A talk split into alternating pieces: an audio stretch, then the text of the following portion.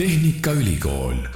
tere, head kuulajad, eetris on taas Tallinna Tehnikaülikooli podcast, mina olen saatejuht Kristjan Hirmu ja olen täna siin Delfi taskustuudios, et rääkida ühe Tallinna Tehnikaülikooli vilistlasega kohe saan temaga ka tuttavaks ja tänases podcastis on mul distantsilt hea võimalus võõrustada külalist, kelleks on Erko Risthein. tere, Erko! tervist! Kõik, kes meid praegu kuulavad ja kes tegelikult pilti juurde ei näe, siis võiks arvata, et me istume sinuga siin koos stuudios, aga tegelikult oled sa tõesti siis interneti vahendusel hoopis teises kohas, kus sa hetkel viibid ja millega tegeled? Äh, ma olen praegu enda kontoris äh, ja täitsa üksinda, sest noh, aeg on selline. ja kuidas, kuidas praegusel ajal, kas seda kaugtööd tuleb teha palju ilmselt üsna, et, et ei olegi vaja nii-öelda kontorist välja käia ja, ja koosolekutel inimestega füüsiliselt kokku saada. nojah, ja minu puhul on see selles suhtes isegi ei muutunud midagi, kui see koroona peale tuli. sest äh, see, mida meie teeme, on, on olnud esimesest päevast saadik juba selline kaugtöö formaat juba aastast kaks tuhat seitseteist, et, äh, et kui eelmise aasta märts peale tuli, siis tegelikult ei muutunud mitte midagi, me tegime täpselt samamoodi oma tööd edasi, igaüks sealt maailma otsast, kus parasjagu tahab räägi, Erko, kiiresti eh, oma tudengiajast. ma tean, et sa oled lisaks Tallinna Tehnikaülikoolile veel teisteski ülikoolides õppinud, et eh, käime äkki sinu haridustee kiirelt läbi, et, et kus sa, kus sa tulid ja millisesse ülikooli kõigepealt läksid ja, ja milline osa on sinu elus Tallinna Tehnikaülikoolil? noh, minu valik oli alguses eh, kahe asja vahel. ma tahtsin minna kas finantsi või IT-d õppima. ja ja siis juhtus niimoodi, et ma kõigepealt äh, käisin, äh, õppisin Riias äh, Stockholm School of Economicsis finantsi. Ja siis hiljem, kui ma tulin sealt tagasi Tallinnasse, läksin tööle ja minu esimene töökoht oli programmeerijana, siis, siis ma läksin töö kõrvalt TTÜ-sse informaatikat ka veel õppima otsa. eks ma tegin nagu kaks bakalaureusekraadi omale. Nii et sul on üsna lai teadmiste pagas, sa jagad nii raha kui IT-valdkonda võib ka nii öelda, jah kas see oli selline teadlik valik, oli sul juba gümnaasiumi ajal siht silme ees, et eh, need on just need valdkonnad, mida sa tahad õppida või, või kuidas need valikud üldse sinu ellu jõudsid? jah, selles suhtes ma olen nüüd tagantjärgi rääkinud paljude inimestega ja mul on tunne, et, et üks asi oli natuke kummaline minu puhul, et eh, mul oli väga varajases nooruses juba tahtmine saada programmeerijaks. et noh, samal ajal, kui, kui teised tahtsid saada politseinikeks või tuletõrjujateks lasteaias, siis mina ütlesin, et ma tahan saada programmeerijaks. et see on natukene veider, veider asi isegi, kui tagasi mõelda. et ja, ja üsna varajases vanuses ma juba hakkasin ka kodus enda arvuti taga programmeerima, et noh, kaheteistaastaselt ma juba tegin seal PHP-d ja Javat ja veetsin veebilehti ja ja mingisuguseid bot'e mängudele ja nii edasi. et, et sealt tuli niisugune tugev programmeerimishuvi aga noh, samal ajal ma kogu aeg tundsin, et, et inimesed räägivad mingisugustest aktsiaturgudest ja investeerimisest ja makromajandusest ja kasutavad sõnu nagu inflatsioon ja rahatrükk ja ja siis ma nagu ei saanud päris täpselt aru, et mis asjad need on ja kuidas need kõik seotud on ja, ja kuidas see maailm töötab. ja, ja siis ma tundsin, et ma pean selle teema omale selgeks tegema. et muud moodi ei, ei saa siin elus väga hästi läbi lüüa. et oled oma, oled oma valikutega rahul siiamaani? väga rahul no Tehnikaülikoolist äh, tuli sul siis äh, IT-alane haridus. äkki kiiresti meenutad ka, et, et äh, kas ülikool on selline koht, kus käiakse noh, võib-olla rohkem uusi tutvusi ja sidemeid loomas. osad ütlevad, et, et tudengid on tänapäeval kohati isegi targemad kui õppejõud. aga kui sa mõtled oma aastatele tagasi Tehnikaülikoolis, siis kas tuli sealt sellist pagasit ja selliseid teadmisi, mida sa võid ka täna veel oma töös rakendada? jaa, absoluutselt. et äh, noh, ma arvan, ülikoolis käimise juures on nagu kaks olulist külge. et üks on see, see, need teadmised, mida sa seal loengus ja, ja seminaridel ja harjutustundides ja eksamitel saad. et äh, õppimine on hästi tähtis. aga ma arvan, et ülikoolis käimise puhul on ka see teine pool oluline, et, et sa pead oma kursakaaslastega siis äh, heaks sõbraks saama ja noh, ühesõnaga, et et äh, ei tasu unustada õppimist, aga samas ei tasu unustada ka seda õllejoomist nii et seltsielu ja, ja suhted ja uued, uued põnevad kontaktid, et need käivad kindlasti ka ülikooli juurde? kindlasti, jah. no täna tegutsed sa valdkonnas, mis otsapidi vist vajab ka mõlemaid teadmisi, nii finantsist kui IT-st või, või on see kaldunud rohkem sinna IT poole peale? Jah, raske isegi öelda niimoodi, et mis teadmisi vaja on, et äh, pigem ongi see selline hästi multidistsiplinaarne äh, valdkond, et äh, et jah, sa pead esiteks oskama väga hästi IT-d, sa pead oskama programmeerida ja programmeerimine on lihtsalt tööriist, et seda ei, ei, keegi ei programmeeri sellepärast, et programmeerida on, lihtsalt sellepärast, et programmeerida on lahe, kuigi ta on seda ka, aga, aga programmeerimine on ikkagi mingi vahend muu asja saavutamiseks, et noh, näiteks, et, et kui sa räägid mõne ehitajaga, siis ta ei ütle sulle, et mulle ilgelt meeldib haamrit kasutada, vaid, vaid talle meeldib ikkagi maju ehitada. ja, ja samamoodi programmeerijad ehitavad tooteid ja, ja selleks, et head toodet ehitada, siis sa pead ka sellest äh, domeenist väga hästi aru saama. et noh, näiteks äh, mina töötasin sellises ettevõttes nagu Wise äh, mõned aastad ja see on siis, segan korraks vahele, see on siis vana nimega TransferWise? just nii, jah. Ja noh, ja seal, seal ma tundsin väga hästi, et minu selline finantsi ja IT segutaust oli väga, väga kasulik, et äh, aitasin seal, aitasin seal selliste asjadega nagu, nagu fixed rate, mis siis eesti keeles on, noh, fikseeritud valuutakursid, et äh, ja kuidas pakkuda inimestele garanteeritud äh, kurssi niimoodi, et sa võtad selle finantsriski ülesse ja siis noh, väga vähe oli selliseid teisi insenere too hetk tiimis, kes äh, said finantsist piisaval tasemel aru, et aru saada, et kuidas, äh, kuidas hedge ida seda riski ja kuidas äh, short sell ida valuutasid valuutaturgudel ja, ja kuidas arvutada üldse value at risk'i ja nii edasi, et ja samal ajal programmeerida seda asja ka, on ju. no Wise on täna suur ülemaailmselt tegutsev tehnoloogiaettevõte Eh, või finantsettevõte, ma ei teagi, kumb ta rohkem on. Finants või tehnoloogia, oskad sa öelda? no ta on fintech ikkagi, et eh, noh, ta lahendab tegelikult niisugust elulist probleemi, et kuidas väga kiiresti ja lihtsasti saata raha ühest riigist teise, et ja noh, täna on selleks kõige parem moodus on ikkagi läbi tehnoloogia siiski, kuigi sul oli väga hea koht ja, ja sa töötasid sellises lahedas ettevõttes, siis ühel hetkel tuli mõte, et peaks tegema hoopis oma äri, et et nüüd sa oled siis jõudnud hoopis äh, uue ettevõtte juurde ja kas äh, ma saan aru, et, et see on nüüd päris sinu enda, sinu enda asi? jah, et niimoodi see läks, et me, ma olin Wise'is umbes kolm aastat ja, ja siis, kui ma sealt ära tulin, siis me tegelikult tulime ära sealt kolmekesi. et mina ja kaks teist inseneri ja, ja mis siis juhtus, oli see, et, et mitmed startup'id hakkasid meie uksele koputama ja, ja tahtsid meiega koostööd teha. ja siis äh, hästi keeruline oli valida, et kuhu nüüd oleks mõistlik oma aega panustada ja fokusseerida. ja siis sealt äh, probleemist tegelikult sündiski Producement.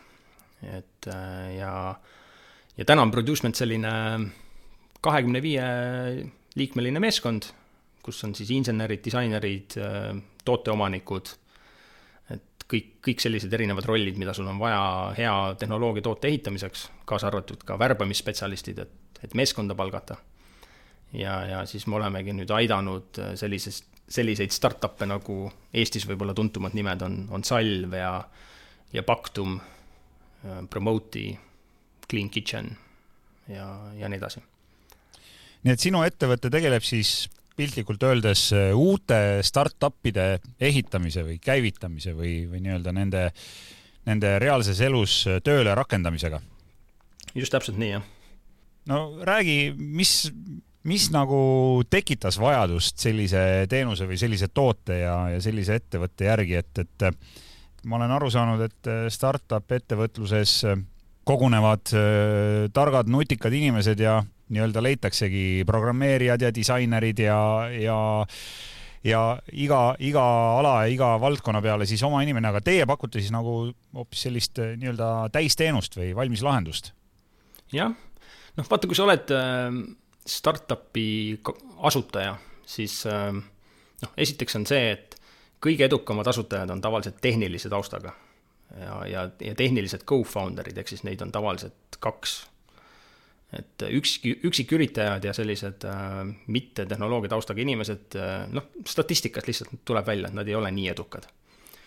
ja, ja siis me püüamegi seda probleemi lahendada, et, et tihtipeale näiteks on, on head founder'id, kes on väga head enda ärivaldkonnas, aga neil puudub see tehniline co-founder. et siis me aitame sellega, aitame värvata hea CTO. Siis võib-olla ei ole alguses veel päris selge, et mis see toode üldse olema peab, on, on vaja hästi palju kasutajatega itereerida ja ja tagasiside põhjal otsustada, et äh, milline see toode nüüd päriselt olema peab, et mis selle probleemi ära lahendab neil ja, ja pivot eid teha ja nii edasi, et et siis meil on enda niisugune tootearendusmeeskond, kes aitab selle, selle product market fit'i üles leida startup'ide jaoks kas piisab siis äh, ainult sellest, et äh, näiteks ka minul oleks mingi enneolematu geniaalne idee, mida ei ole maailmas veel keegi ära teinud ja ma tulen selle ideega teie juurde või, või peab ikkagi juba midagi ka valmis olema? jah, no ideest üksi ei piisa, et äh, tähtis on ikkagi valideeritud idee. et äh, noh, meil kõigil on, on palju huvitavaid ideid varrukast tulemas ja, ja loovus on, on selline huvitav asi, et äh, me kogu aeg kujutame ette, et maailm võiks natukene parem ja teistsugusem olla läbi mingisuguste toodete. aga, aga noh, statistika näitab ka, et, et niisugune üheksakümmend üheksa protsenti startup idest fail ivad ja nad fail ivad ikkagi sellepärast, et ehitatakse midagi, mida ei ole vaja või mida inimesed ei kasuta, ei taha kasutada, mis ei lahenda mingisugust päris probleemi ära.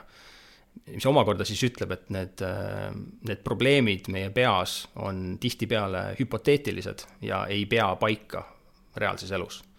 ja sellepärast meil on kõige esimene samm on alati see, et, et kuidas oma ideed kõige kiiremini ja kõige odavamini ära valideerida ja üldjuhul need kõige paremad founder'id, kellega meie koostööd oleme teinud, on, on sellised, ähm, kes on suutnud selle idee ära valideerida ilma ühtegi rida koodi kirjutamata.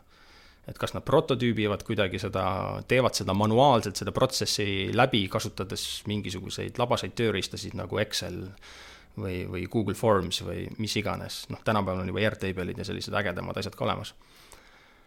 et äh, või, või noh, kui sul on B2B toode, siis on, on sul võimalik äh, juba see ette maha müüa mõnele kliendile. et, äh, et kui see klient kirjutab sulle letter of intent'i või LOI, ütleb, et näed, et mul niisugune asi oleks, siis ma maksan sulle raha. Ja siin on allkiri all, et ma ostaksin sult. Ja sa kogud neid LOI-sid, on ju, viis tükki kokku juba, siis. See annab mingi indikatsiooni, et seal on turgu sinu ideel. No väga hea, et sa rahani ka jõudsid, sellepärast et äh, nagu me kõik teame, siis äh, ettevõtete püstipanemine ikkagi täna on üsna aja ja, ja rahakulukas. ja startup'ide puhul räägitakse ju hästi palju ka kapitali kaasamisest ja, ja investeeringute kaasamisest, et äh, kas sinu ettevõte Producement pakub ka siis nii-öelda võimalust, et et kuskilt tuleb piltlikult öeldes paksu rahakotiga onu ja, ja on valmis sinna ärisse investeerima. jah, meil on ajapikku tekkinud selline hea network inimestest, ingelinvestoritest, riskikapitalistidest või, või VC-fondidest. ja, ja, ja hea on, on tunnistada, et on, on isegi selliseid juhtumeid olnud, kus on, on küsitud meie käest, et kellega te järgmiseks hakkate koostööd tegema, et tahaks kuskile raha paigutada. et see noh, meile on nagu hästi suur tunnustus.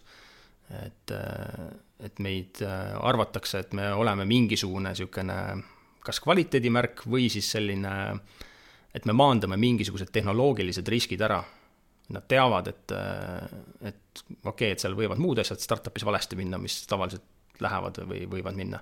aga vähemasti me teame, et seal seda probleemi ei ole, et, et kuidagi tehnoloogiliselt äh, kehvasti ehitatud on see asi kuhu suunda see tehnoloogiamaailm üldse praegu areneb, et et kui sa näiteks kasvõi oma valdkonna peale mõtled, siis mis seal viie või kümne aasta pärast võiks juhtuda või, või milliseid inimesi, milliseid ameteid see valdkond näiteks vajab tulevikus?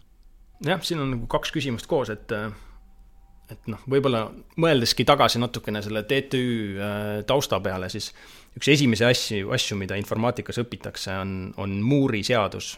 ja, ja see seadus ütleb hästi lihtsat asja, et et meie arvutusvõimsus kahekordistub iga kahe aasta tagant. ja ta on seda teinud juba noh, aastakümneid järjest.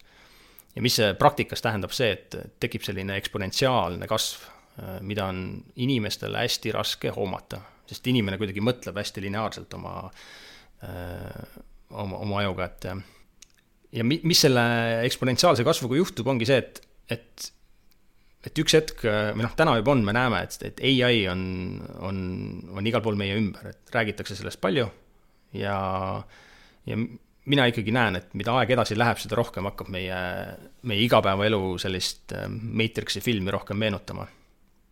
et ja, ja sellel on kindlasti väga keerulised tagajärjed, et järjest rohkem automatiseeritakse töökohti ära eriti sellised äh, esialgu lähevad kõige, kõige lihtsamad töökohad, mis on hästi algoritmilised. et selle jaoks isegi ei ole ai-d vaja, vaid seda noh, tavaline inimene juba automatiseerib selle lihtsalt liht-, lihtsa if-else statement itega ära, on ju. Äh, noh, mõnes mõttes võib seda ka ai-ks nimetada äh, ja, ja noh, siis tekibki tegelikult selline olukord, et meil on järjest rohkem vaja programmeerijaid ja insenere, kes ehitaksid neid süsteeme, haldaksid neid, hoiaksid neid püsti, arendaksid neid edasi. et äh, ja, ja see omakorda, ma arvan, kindlasti loob sellist ebavõrdsust meie ühiskonda järjest rohkem ja rohkem ja rohkem.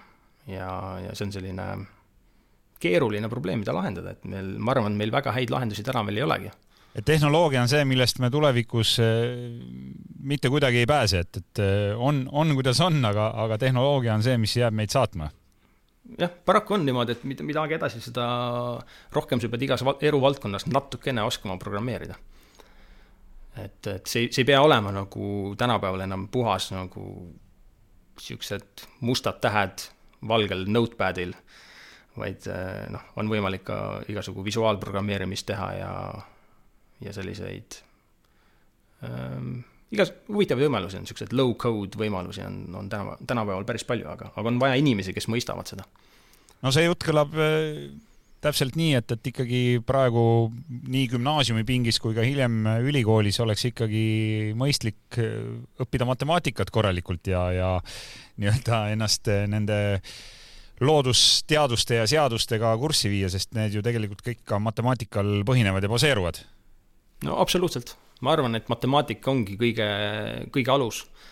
et kui sa järjestaksid meie erinevaid õppeaineid, siis mingisuguse, mis see eestikeelne sõna on, nagu purity äh, alusel, et äh, siis ma arvan, matemaatika on nendest number üks, sealt edasi noh, tulevadki loodusteadused, siis praktilised oskused nagu programmeerimine, ja noh, programmeerimine on lihtsalt tööriist, äh, saavutamaks mingisuguseid suuremaid eesmärke ja, ja, ja siis lisaks programmeerimisele on kindlasti vaja osata ka neid ähm, noh, selliseid lisaasju nagu, nagu majandus ja finants näiteks minu puhul. et, et saada päriselt aru, kuidas mikro- ja makroökonoomika töötab, portfelliteooria, võlakirjad, aktsiad, mis asjad on optsioonid, kuidas neid hinnatakse, ökonomeetria ja nii edasi. ja, ja ma arvan, et me ei saa ikkagi ära unustada, et me oleme kõik inimesed ja, ja inimestega käib kaasas mingisugune psühholoogia. ja siis minu selline suur huviala on, on kindlasti evolutsioonipsühholoogia, mis aitab siis mõista, et, et miks me käitume nii, nagu me käitume ja mis on need evolutsiooni bioloogilised tagamaad, et, et miks me arenesime välja niimoodi käituma no sinu juttu kuulates ja mõtlen, et kui ma kuulaks seda ise sellises vanuses, kus ma peaks tegema valiku, et mida ülikooli õppima minna, siis muidugi see on selline paras pähkel, sest tuleks nagu kõike õppida, et tulekski ennast harida IT ja finants ja, ja ma ei tea veel matemaatika või füüsika valdkondades, et, et on sul äkki mõni hea soovitus ka mõnele nooremale kuulajale, kes praegu just mõtleb, et, et mida edasi minna õppima või, või millist eriala ülikoolis valida, et kas on mingi selline kindel muster ka või, või oskad äkki oma kogemuse põhjalt mõne hea nõuande anda? no selles suhtes sul ongi õigus, et äh, hea ongi kõiki neid asju osata. ja, ja ma arvan, see on täiesti tehtav ka. et meie maailm on ikkagi tohutult multidistsiplinaarne täna ja need inimesed, kes oskavad mitut asja hästi, on kõige edukamad. et noh, sellest ei piisa, et sa oled ühes asjas hea. et sa pead oskama vähemasti kahte asja hästi, äh, parem on kolme asja hästi või rohkem isegi, on ju. et äh, aga noh, see, kuidas eriala omale valida, ma arvan, et äh, üks hea mudel on, on mõelda väärtuspõhiselt. et, et mis see nagu täpsemini tähendab, ongi see, et et valige eriala, kus on võimalik kõige rohkem väärtust luua. ja, ja mis asi on üldse väärtus või kuidas seda mõõta? et noh, üks hea viis seda teha on, on mõõta väärtust rahas. et noh, raha iseenesest ei ole oluline sealjuures, aga, aga raha on väga hea mõõdik. ja noh, näiteks sa võid võtta Statistikaametist palgatabeli, vaadata, missugune amet Eestis on kõige kõrgema palgaga, jah, ma võin öelda, et Eestis on, on number üks amet on programmeerija, kõige kõrgema keskmise brutopalgaga kuus. ja, ja miks see on, on, on hästi lihtne, et et kui sa mõtled väärtuspõhiselt, siis noh, kui sa oled programmeerija, siis selleks, et maailma mingisugust väärtust juurde luua, sa pead ühe korra selle valmis kodeerima ja siis, kui see päriselt on mingisugune asi, mis loob väga palju väärtust, siis on hästi lihtne seda skaleerida miljonite ja miljonite inimesteni. Ja, ja nii-öelda niisugune liitmõju tekib või compound effect inglise keeles, et et üks programmeerija võib miljonite inimeste elu natukene paremaks teha oma väikse koodijupiga või oma väikse tootega.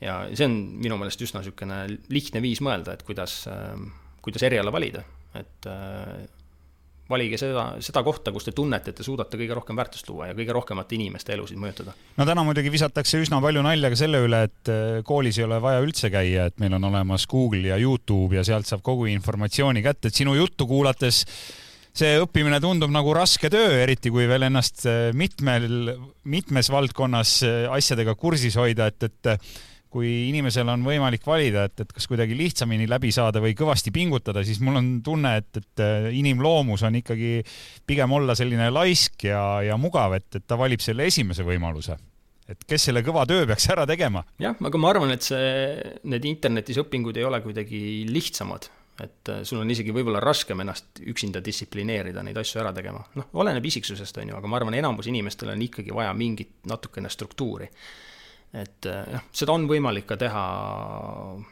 toodetega, a la mingid Courserad ja sellised eh, platvormid on ju täna olemas. ja minu meelest need on väga head platvormid, et, et, eh, et kui sul on võimalik ikkagi maailma tasemel tippülikoolide kõige ägedamate professorite käe all mingisugust ainet õppida, siis noh, miks ka mitte, on ju. et ma arvan, et see on väga, väga hea võimalus ja, ja seda tuleks kasutada. noh, samas ma arvan, et õppimine ei ole lihtsalt ainult see, see, see teema ja see sisu, on ju. et ma arvan, õppimise juurde, nagu ma enne mainisin, käib ka see, see suhtlus ja see noh, oma kursakaaslastega aja veetmine ja, ja ja oma tulevase sellise professionaalse võrgustiku kasvatamine. et see on ülioluline osa. ja ma arvan, et seda on natuke raskem teha lihtsalt Youtube'i videote peal, et kuigi on võimalik ka remotely, ma arvan üle, üle arvuti ja üle, üle interneti. ehk siis ikkagi selleks, et olla edukas ja jõuda kaugele, on, on vaja ka sellist korralikku distsipliini ja, ja nagu sa ütlesid, et siis üksinda seda saavutada on võib-olla pisut raskem kui kuskil kollektiivis, nii et, et ülikoolis käimine ikkagi on siis edu võti? Ehm, jah, võib ka niimoodi öelda, et äh, kõige tähtsam on, on leida need inimesed üles, kes mõtlevad samamoodi ja ma arvan, et selles suhtes on ülikool hästi lahe koht, et ta, ta nagu teeb niisugust positiivset segmenteerimist, ta nagu valib välja need samasugused inimesed nagu sina, kes on huvitatud samast erialast, kes äh, lähevad ja, ja kandideerivad sinna, siis neil on samasugune ambitsioon nagu sinu, nagu sinul. Äh, ja, ja kui sa leiad omale selliseid mõttekaaslasi, siis need on need inimesed, kellega sa pärast lähed ja ehitad oma järgmist startup'i või, või ettevõtet, on ju, koos et äh, selles suhtes ma arvan, on ülikool väga, väga hea koht või noh, see on, see on nagu seesama ütlus, et ega, ega Harvard ei ole sellepärast äh, maailma parim kool, et, äh, et seal nagu kõige paremad õppejõud oleksid või kuidagi kõige parem õpe oleks või programm. et Harvard on sellepärast maailma parim kool, et sinna on väga raske sisse saada ja need teised inimesed, kes selle samasuguse lävendi läbivad nagu sina, noh, ta nagu filtreerib välja sellise IQ normaaljaotuse, selle parema saba. et, et sul on mingisugune väikene garantii, et, et need inimesed, kes sinuga sealsamas pingis istuvad, on, on, on väga seal paremas sabas. no hästi popp on täna küsida inimeste käest, kes on midagi saavutanud või, või kuhugi jõudnud, nagu ka sina, Erko, et kui sa saaksid noorele iseendale mõne hea soovituse või nõuande anda, noh, ütleme näiteks lähme kasvõi gümnaasiumi lõpuklassi tagasi, et kas sul oleks mõni, mõni hea selline vihje või, või soovitus noorele iseendale ka, et mida sa juba tänaste tööde ja teadmiste põhjalt oskaksid veel anda? jah, noh, natuke haakub sellega, mis ma ennem rääkisin, et hästi oluline on keskenduda mõjule. et, et ma arvan, kui see mõtteviis endasse ära juurutada, et alati tasub teha neid tegevusi, millel on suurem mõju ja millel on äh, nii-öelda rohkem inimesi saavad sellest, sellest kasu. et pigem prioritiseerida niimoodi oma aega mõju järgi ja siis see omakorda teeb asja hästi lihtsaks, et niisugused tegevused nagu arvutimängud ja, ja ma ei tea, Netflixi vaatamine, sotsiaalmeedia ja nii edasi, et noh, nendel ei ole väga suur mõju minu arvates. et äh, siis äh, need on seal prioriteetide listi kõige lõpus ja, ja ma ei tee neid asju. Ja, ja aitab, aitab keskenduda ja fookust hoida no see on selline klassikaline juhus, kus äh, öeldakse, et selle asemel, et arvutimänge mängida, mõtle parem selles suunas, et sa saaksid ise neid arvutimänge luua noh, jah, just. ja kasuta seda aega siis selleks, et äh, tulevikus võib-olla ise mõni lahe ja, ja edukas mäng programmeerida. jah, ma arvan, mängud on väga lahedad, selles suhtes, et see on see, kuidas mina programmeerima ka hakkasin, et et ma mängisin mingisuguseid mänge, kus äh, sa pidid väga äh, väga palju niisugust manuaalset tööd tegema, ütleme niimoodi, et oma seda karakterit siis kuskile järgmisele levelile arendada ja siis, äh, ja siis ma sain aru, et, et ma, see on jube tüütu ja mina ei, mina ei viitsi nagu tundide viisi seda hiirt klõpsida seal. ja siis ma hakkasingi otsast äh, vaatama, et, et mis siis üldse juhtub, kui ma seda hiirt vajutan, et kuidas ta selle päringu nüüd sinna serverisse saadab ja ja kuidas see server nüüd aru saab, et, et, et ma just täpselt sinna vajutasin. ja siis ma hakkasin seda süsteemi niimoodi vaikselt lahti harutama ja ja asi nagu lõppes sellega, et ma kirjutasin sellise automaatse bot'i, mis mängis seda mängu minu eest, et ma jätsin äh, ööseks mängima ja siis hommikul vaatasin, et ma olen kümme levelit ägedam.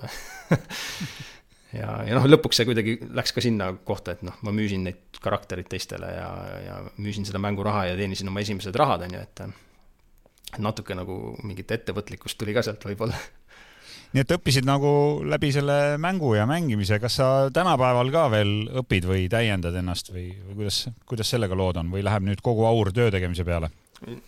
vastupidi täiesti, et ma arvan, et õppimine käib terve elu ja, ja sellega tuleb kogu aeg tegeleda. et ja see on selles suhtes hea asi, et, et ta annab sulle kõige rohkem tagasi pikas perspektiivis. et noh, näiteks, et kui sa võtad kaks inimest, üks nendest on öelnud, et nüüd ma iga päev tund aega Äh, näiteks äh, kuulan audioraamatuid, vaatan mingeid Youtube'i äh, videoloenguid, käin Coursera's, teen mingit kursust, ma ei tea, õpin Duolingos mingit keelt, samal ajal võib-olla käin jõusaalis, on ju. et siis see inimene, kes teeb kümme aastat iga päev ühe tunni neid asju, on nagu tohutult, tohutult kaugemale jõudnud kümne aastaga oma karjääris ja oma noh, heaolus ja füüsises ja kõiges muus edukuses kui see, kes ei tee seda ühte tundi. ja noh, ja siis mõtle selle peale, et on inimesi, kes teevad seda kaks-kolm tundi või viis või kümme tundi päevas, et et eh, noh, selles mõttes elu on nagu mõnes mõttes võidujooks või noh, sa võid mõelda, et elu normaliseerub sinna kohta, et, eh, et see on nagu Pareto jaotus. et kui, eh, kui TTÜ-sse minna, siis kindlasti matemaatikatunnis saab seda Pareto jaotust õppida. Aga, aga mis see põhimõtteliselt tähendab, on see, et et me kõik nii-öelda alustame nullist ja siis ajapikku on, on mõned inimesed, kelle käest tuleb kogu või noh, enamus selline loominguline output või väljund, on ju. et noh, kui sa vaatad, et kes on maailmas äh, kõige rohkem ma ei tea, Kossu äh, korve visanud, siis on need mõned üksikud inimesed, kes teevad nagu palju rohkem korve kui ülejäänud inimesed, kes on kõige rohkem kunsti teinud, noh, Picasso on palju rohkem teinud kui ülejäänud inimesed maailmas, kes on kõige rohkem jalkaväravaid löönud ja nii edasi, et see, see tekib niisugune jaotus ja see tekib igal pool, kus vähegi on, on inimesed, panevad oma aega sisse ja teevad mingit loovat äh, tegevust no ma värskendan oma mälu, et kas see on see kakskümmend, kaheksakümmend printsiip et, äh, kakskümmend protsenti tegijatest teeb ära kaheksakümmend protsenti tulemusest? no täpselt, raha on samamoodi, on ju, et kui sa vaatad äh, maailma top kahtekümmet protsenti rikkusega inimest, siis neil on kaheksakümmend protsenti varadest. ja kui sa võtad nendest inimesest top kakskümmend protsenti, siis neil on omakorda sellest rahast kaheksakümmend protsenti ja nii edasi ja nii edasi ja nii edasi, on ju. et, et lõpuks ongi niimoodi, et see top ühel protsendil on nagu enamus maailma raha. Ja see on noh, selles suhtes minu maailmavaates on see täiesti fine ja see on hea, sellepärast et, et sul mõnes mõttes tekib selline ühiskondlik vastutus. et noh, kui sa vaatad, kuidas Bill Gates oma raha kulutab, siis noh, ta ei, ta ei põleta seda enda, enda hüvanguks, on ju. et ta ei, ta ei kuluta seda luksuse peale vaid ta ikkagi tegi niisuguse foundation'i ja, ja Warren Buffett on ka sinna raha pannud ja tõenäoliselt liituvad sellega veel mõned maailma kõige rikkamad inimesed tulevikus. ja teevad läbi selle maailma paremaks ja suunavad seda raha mõistlikutesse kohtadesse ja tegelevad probleemidega, eh, mis vajavad tegelemist ja, ja millesse keegi teine ei, ei, millele keegi teine ei fokusseeri. et selles suhtes mulle tundub, et see, see niisugune varade ümberjagamine on, on jumalast hea asi, et et need targad inimesed nagu Bill Gates ja, ja Warren Buffett, et et see on hea, kui nemad on need inimesed, kes teevad neid otsuseid, et kuhu seda raha kulutada nii et kui me jõuame selle küsimuse juurde jälle tagasi, siis äh, õppimine käib tegelikult äh, terve elu ja, ja sellel on kohati ka väga positiivsed tagajärjed. mul on väga hea meel, Erko Risthein, et äh, lõid täna kaasa Tallinna Tehnikaülikooli podcastis, rääkisime TalTechi vilistlasega kes on omandanud Tehnikaülikoolis IT-hariduse ja, ja ma usun, et sul, Erko, oli ka põnev oma töödest, tegemistest ja, ja ka koolipõlve meenutustest siin kuulajale pajatada. jah, täiega, thanks, et kutsusite aitäh sullegi, kes sa kuulasid täna Tallinna Tehnikaülikooli podcasti ära. podcasti leiab Delfi taskulehelt tasku.delfi.ee ja loomulikult ka Spotify'st, SoundCloudist ja iTunesist. mina olen saatejuht Kristjan Hirmu ja püsige terved.